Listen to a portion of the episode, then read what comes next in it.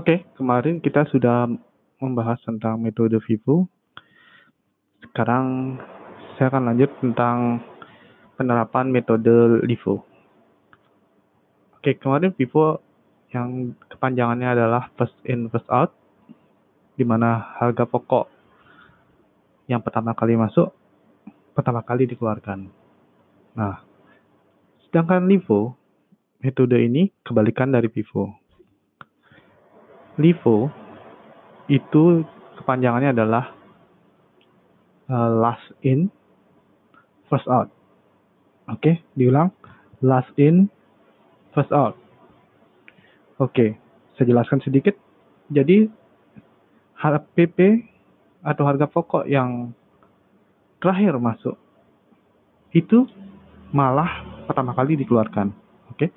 harga pokok yang terakhir masuk itu harus pertama kali dikeluarkan. Jadi sudah tahu bedanya dengan dengan metode Vivo kan? Ya. Uniknya seperti itu. Jadi saya kasih contoh mungkin beberapa kasus jika kita sebagai pembeli oke balik sebagai penjual maka kita beli barang dari supplier anggap barang A masuk dengan harga 500 dan barang B masuk dengan harga 550 maka jika ada pelanggan kita yang membeli saya tanya ke Anda.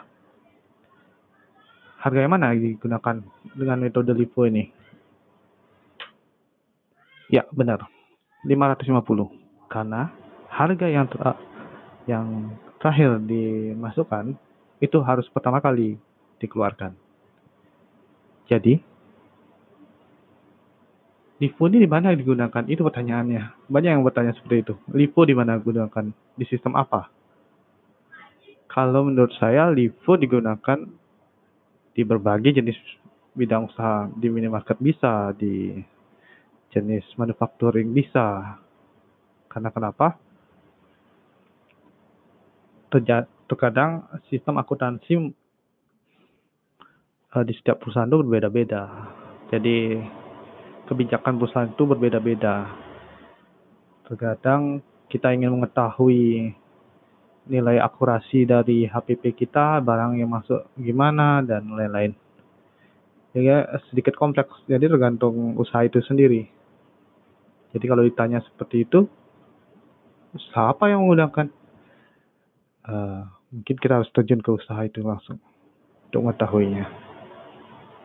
Oke, okay, terima kasih. Uh, kalau teman-teman suka dengan channel saya ini, podcast Retro Apps, silahkan ditandai, di lab, di like, di tag, di